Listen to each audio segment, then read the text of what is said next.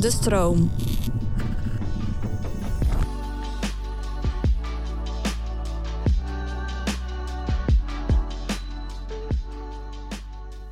Hallo allerliefste luisteraars en BookTok-fanaten. Als ik zeg dat we het vandaag gaan hebben over het aller, aller, allergrootste BookTok-boek, ga ik er eigenlijk van uit dat jullie wel weten over welk boek ik het heb. Maar voor de zekerheid zeg ik het toch maar. We gaan het namelijk hebben over It Ends With Us.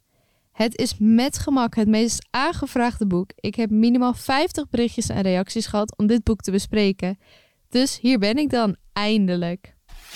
It Ends With Us, of in Nederlands Nooit Meer, is met gemak het meest gelezen boektookboek wat er is. De hashtag It Ends With Us heeft zelfs 1,5 miljard views. Trouwens, een grappig feitje over de schrijfster Colleen Hoover. Ze heeft het afgelopen jaar wereldwijd meer boeken verkocht dan dat er bijbels verkocht zijn. Dat zegt wel genoeg, denk ik. Colleen heeft dan ook een hoop andere boeken geschreven, waaronder de eerder besproken Verity en nog veel meer andere boeken. Zelf heb ik alleen It Ends Us en Verity gelezen, dus laat maar weten of ik de andere boeken ook moet gaan bespreken. Voor nu gaan we toch echt With Us bespreken, dus laten we maar snel beginnen. It Ends With Us is echt een van mijn favoriete romantische boeken. Het verhaal volgt Lily, dat net verhuisd is uit haar geboortestad en klaar is om haar leven te beginnen na de universiteit. Lily ontmoet dan een man genaamd Raul en ze valt voor hem. Terwijl ze in de eerste hoofdstukken gevoelens aan het ontwikkelen is voor Raul, verschijnt daarna haar jeugdliefde Atlas ook ineens. Hij daagt de relatie tussen Lily en Raul uit. Je komt steeds meer over Lily's jeugd te weten, zowel over haar liefde met Atlas als haar familie. Lily heeft een slechte relatie gehad met haar vader omdat hij heel erg gewelddadig was tegenover haar moeder. En je leest dan ook hoe Lily soms angstig is tegenover relaties.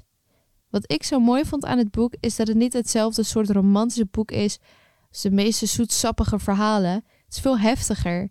In de meeste romantische boeken zit wel eenzelfde soort basisverhaal, maar in dit boek had ik het plot niet meteen door, wat echt verfrissend was.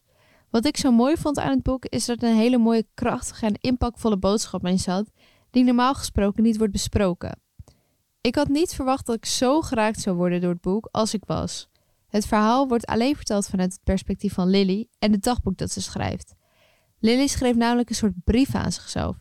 Het was wel fijn om uit alleen Lily haar perspectief te lezen, want daardoor focus je echt heel erg op haar leven en verhaal. Ik raad het boek aan iedereen aan die romantische verhalen leuk vindt, maar ik vond het zelf ook wel spannend als ik eerlijk ben. Ik zou daarom wel het boek pas vanaf een jaar of 15, 16 lezen, omdat er wel echt wat heftige stukken in zaten.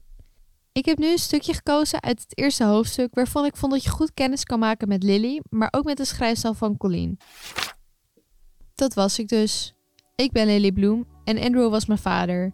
Nadat ik vandaag op zijn begrafenis had gesproken, stapte ik op het vliegtuig regelrecht naar Boston en klom het eerste het beste dak op dat ik kon vinden. Nogmaals, niet omdat ik zelfmoordneiging heb. Ik heb geen plannen om me van dit dak naar beneden te storten.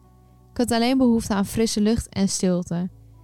En helaas kan ik die niet vinden in mijn appartement op de derde verdieping, zonder toegang tot het dak en met een huisgenoot die zichzelf erg graag hoort zingen.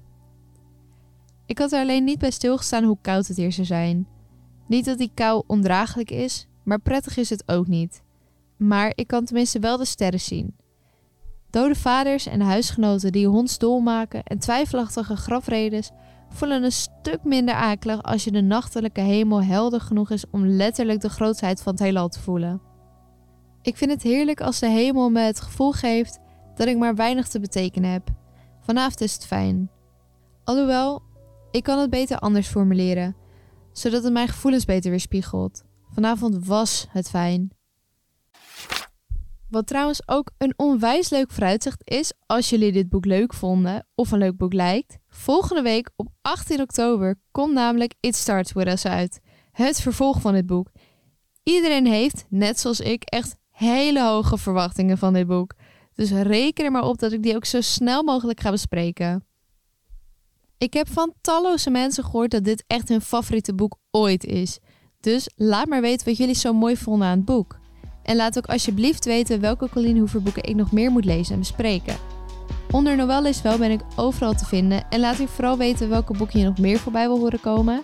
Ik lees echt al jullie berichtjes en ik vind het echt onwijs leuk om met jullie boeken nog na te bespreken en te discussiëren en zo.